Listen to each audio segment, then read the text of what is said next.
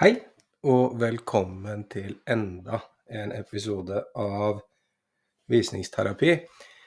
I dag så skal vi begynne å gå litt mer ned i materien som ligger bak den tjatinga som jeg hele tiden driver på med, med hensyn på dette med å bli, bli lærende. Det å være en lærende organisasjon, og hvorfor jeg mener det er så ufattelig viktig for et selskap, en eiendomsmegler eller en hvilken som helst eiendomsbedrift å være god på læring.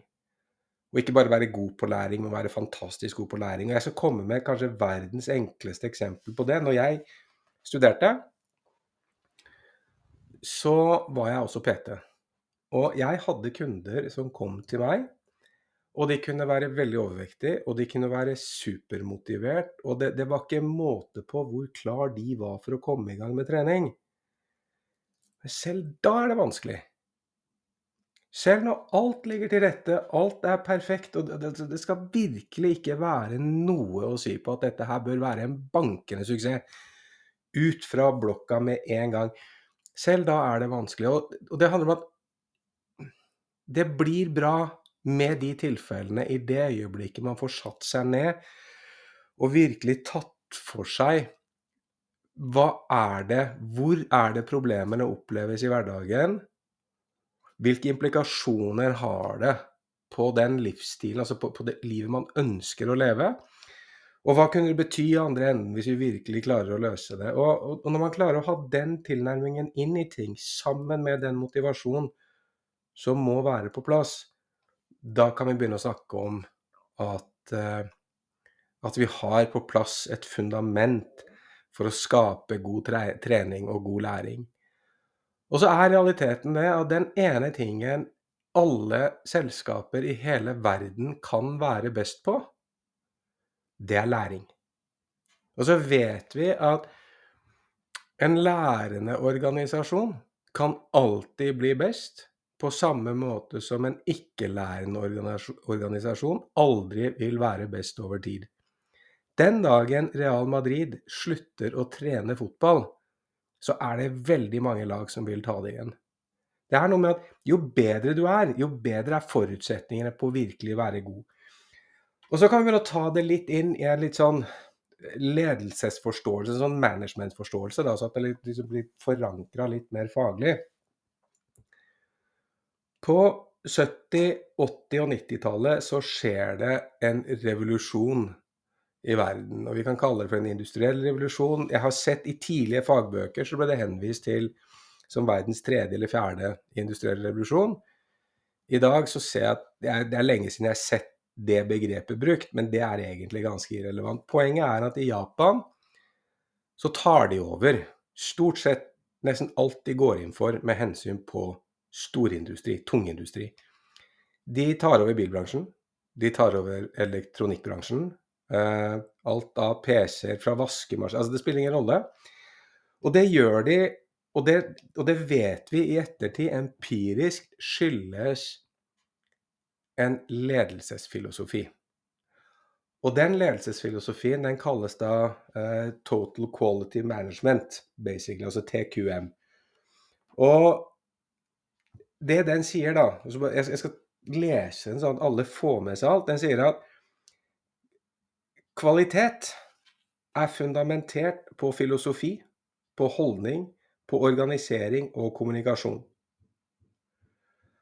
Og da er det sånn at eh, fokuset ligger da i det vi kaller en kontinuerlig forbedring av løsning, av system, av kompetanse og arbeidsoperasjoner.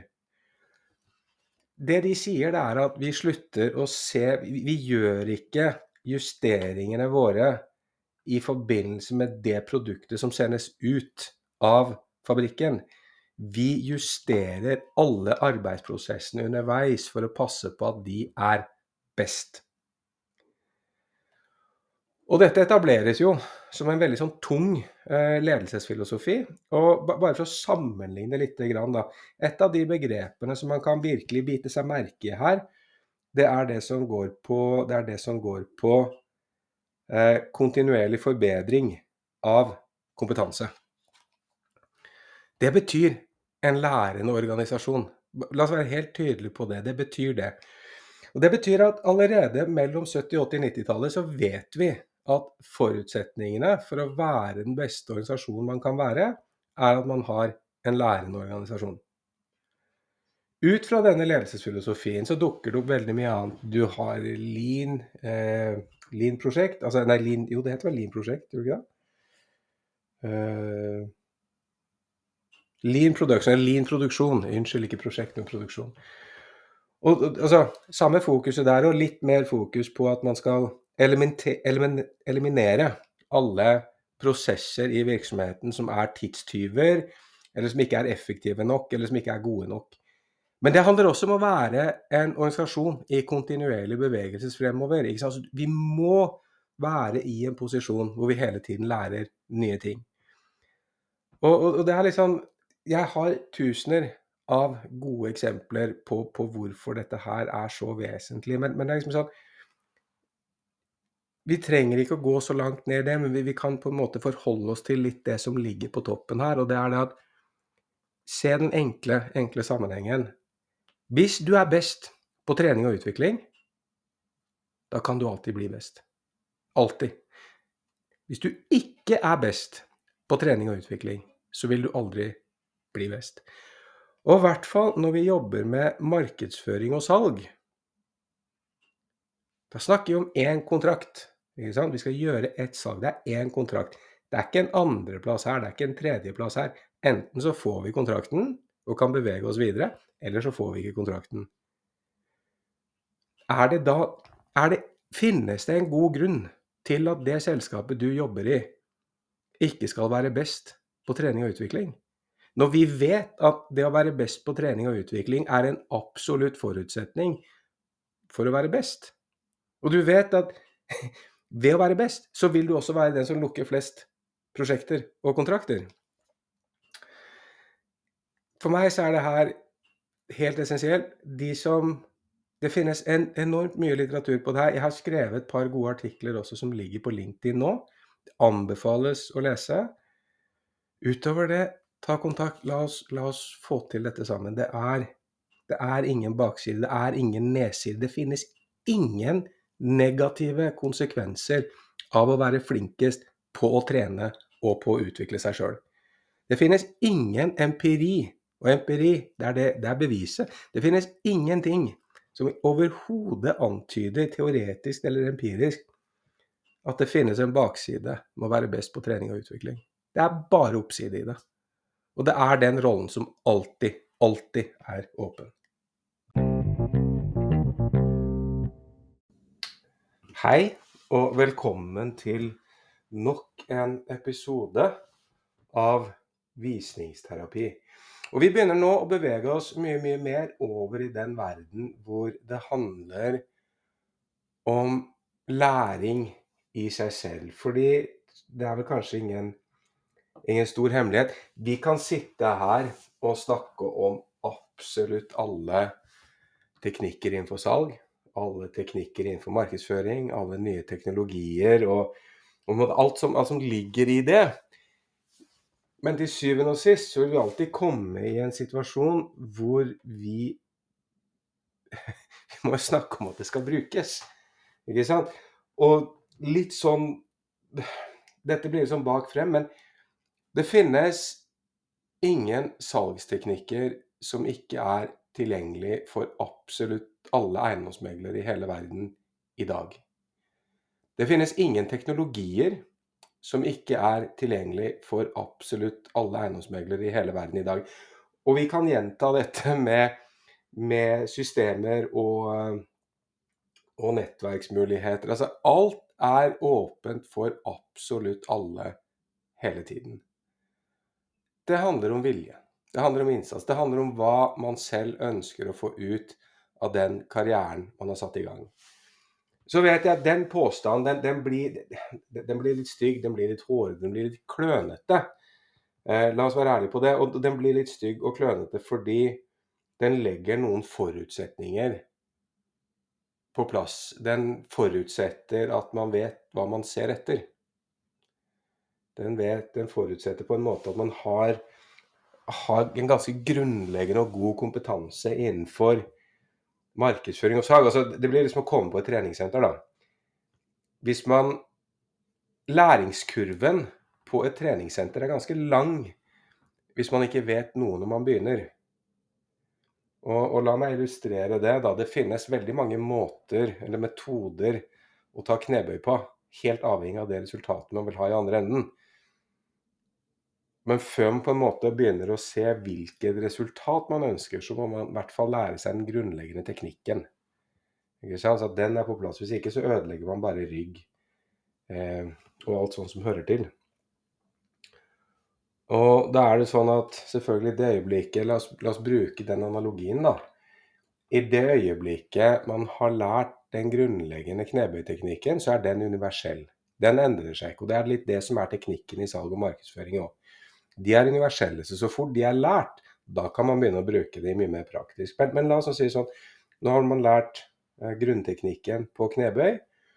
Da kan man begynne å se seg ut mål. Da kan man si at OK, jeg har lyst til å bli jeg skal bli fotballspiller, eller jeg skal bli terrengløper, eller jeg skal bli Jeg er jeger og skal gå i fjellet. Og det målet bestemmer med en gang hvordan du skal trene knebøy. Eh, og, og, da kommer føringene med en gang. Da kommer føringene. Da er det skal du, skal du løpe mye, så er det lette, lange serier med korte pauser. Skal du bli styrkeløfter, så er det litt av alt, men i all hovedsak veldig, veldig tunge, korte serier med lange pauser. Og I det øyeblikket man liksom har tatt steget fra og dette er som i markedsføringsfag, i det øyeblikket du har lært grunnteknikken, så kan du begynne å spesialisere den mot hva du skal være god på. Og så når man på en måte har liksom bestemt seg for det, så, så, får du det neste, neste, nivået. Det er jo da selvfølgelig å, øh, å, å gjøre øvelsene i riktig rekkefølge. Og det, det, er også veldig, veldig avgjørende. Altså, skal du trene tungt, så skal du trene tungt tidlig. Du kan trene lette øvelser først, du kan trene tunge øvelser etter hvert. Så da må du sette opp et treningsprogram da, som tar høyde for det. Lett først og tungt etter hvert. Og når du begynner å få orden på det, da har du først fått orden på grunnteknikken, så har du fått orden på, på hvordan du skal trene for å bli god til det du vil være god på. Og så har du begynt å få til en rekkefølge i treningen som gjør at du får en prosessforståelse bak det. Så kan du begynne å legge på, på det neste laget. Da vil selvfølgelig være ernæring. Det å få i seg riktig type mat. Ikke sant? Så da har vi grunnteknikk, og så har vi, og så har vi eh, målsetningene man trener mot, og riktig, riktig greie der. Så har man prosessforståelsen, og så begynner man å, å putte på riktig, riktig, ernæring for å nå frem til det. Ja, men da kommer vi til hvile. Ikke sant? Så det også blir riktig. Da har vi igjen, Jeg skal ikke gå gjennom den prosessen en gang til, men ikke sant? så kommer vi til hvile. Eh, og, og, så tenker man at da, da er vi ferdig. Nei, nei, nei. nei. Det er da du virkelig kan begynne å begynne å leke. Da, da, kan man begynne å se på, å se på teknisk tøy. Man kan begynne å se på hvilken musikk som motiverer seg. Man kan se på treningsmiljø, man kan se på ulike gym. Altså, det finnes alltid a next level. Men å begynne å, å, å snakke om hvilken type treningstøy som passer, er ganske meningsløst hvis de andre tingene ikke er på plass først. Dette her er litt sånn um, Og det er her jeg føler Og dette er en følelse, dette er ikke, dette er ikke empiri. Det, det er her jeg føler at, at, vi har ganske mye å gå på. Uh, både som, uh, som bransje og som næring og som organisasjon. Men, men, det handler veldig mye om dette med Man må lære noen veldig enkle grunnprinsipper for å kunne komme i en posisjon for i det hele tatt kunne ta stegene som man ønsker å ta videre for å være best. Eller om ikke for å være best, for å være best da på trening og utvikling. Eh, I, I den sammenhengen her så er det sånn at uh, det, er, det, er, et begrep som har en tendens til å gå igjen veldig ofte, som jeg sliter litt med å kontekstualisere. Det er dette begrepet som heter engasjerende læring. Fordi jeg ser at veldig mange som som vil lære vekk noe innenfor salg eller innenfor eh, styrkeløft, for den saks skyld, de snakker om at, de er flinke på engasjerende læring. Og den sliter jeg med. fordi min erfaring er at hvis Hvis eleven eller PT-kunden eller eiendomsmegleren er motivert for å lære, da er nesten hva som helst engasjerende. Og da mener jeg virkelig hva som helst. Den mest obskure videoen på YouTube, så lenge den forklarer nøyaktig hvordan du skal fikse den terrassen, så er den videoen kjempeengasjerende. Og motsatsen er da at hvis man ikke har noen interesse, eller har noen grunnleggende forståelse for hva man sitter og skal lære, så blir det også veldig lite engasjerende. Jeg veit ikke. Eh, uansett så er det sånn at eh, den, den, den, korte og den lange konklusjonen på denne litt ustrukturerte og usammenhengende eh, monologen er vel at for å kunne komme ordentlig i gang, og for å kunne forløse det potensialet som enten du sitter med, eller noen rundt deg sitter med, så må grunnteknikken inn. Vi vil ikke klare, dere vil ikke klare, ingen vil klare å skape engasjement rundt trening og utvikling og hvordan det skal gjøres, hvis ikke de grunnleggende tingene er på plass. Og de grunnleggende tingene, og det er liksom tilbake på, på steg én igjen, de grunnleggende tingene, hvis de skal læres, så må det finnes et engasjement, et ønske om å lære det i bunn.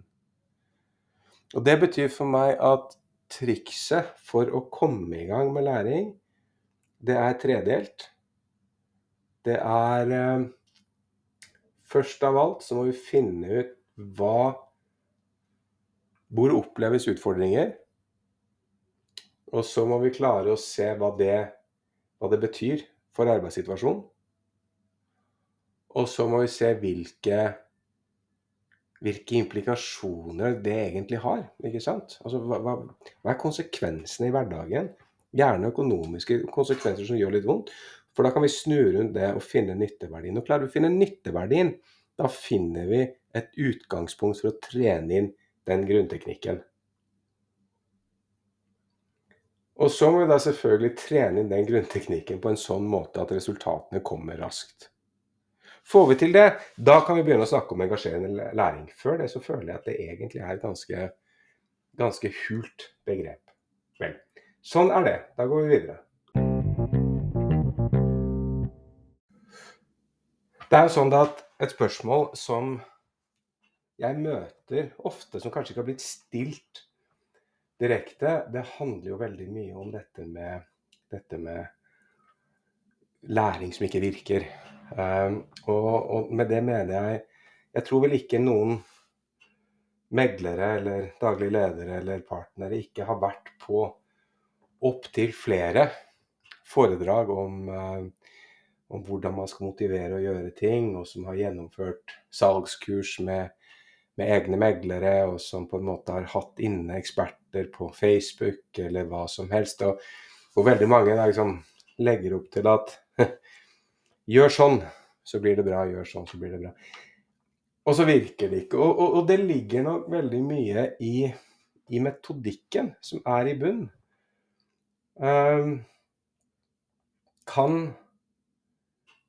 et pålagt dagskurs i telefonsalg virke? I beste fall, tja. Eh, hvis vi ser hva forskningen da sier for å at ingen så vi er helt sikre på at vi får dette riktig. I utgangspunktet så er det da sånn at forskningen viser at læring og kursing som pålegges ansatte, ovenfra, og dette gjelder ikke bare eiendom, men som pålegges ansatte ovenfra, gjøres og gjennomføres veldig ofte med gode resultater, men det endrer ikke atferd. Så liksom, ut av blokka så er det da sånn at kursing, det være seg et dagskurs eller en workshop som på en måte bare introduseres ovenfra og ned, den virker ikke. Selvfølgelig, den kan virke av og til, men i utgangspunktet så virker den ikke. Og, da er vi litt sånn tilbake på dette med, dette med motivasjon. Hvis folk lærer fordi noen sier de skal lære, så gjør de det, men det betyr ikke at de endrer atferden av den grunn. Tvert imot. Og da er jo det er den begrensa gevinsten av å gjøre, gjøre den typen kurs. Så at veldig mange organisasjoner har gjort seg veldig dårlige erfaringer med å bruke konsulenter og hente inn ekstern hjelp for å gjøre læring, det er ikke overraskende. Og det skyldes faktisk ikke konsulenten eller de som har vært inne og gjort læringen. Og det skyldes heller ikke, skyldes heller ikke ledelsen, og det skyldes ikke de som skal lære. ikke sant? Så det er ingen sin feil, men det må allikevel påpekes. Altså det, er, det er en jobb som må gjøres på forhånd hvis dette skal kunne fungere. Og da er vi liksom tilbake på det, på det, på det det hele tiden koker ned til. Enten så er de som skal lære motivert for det.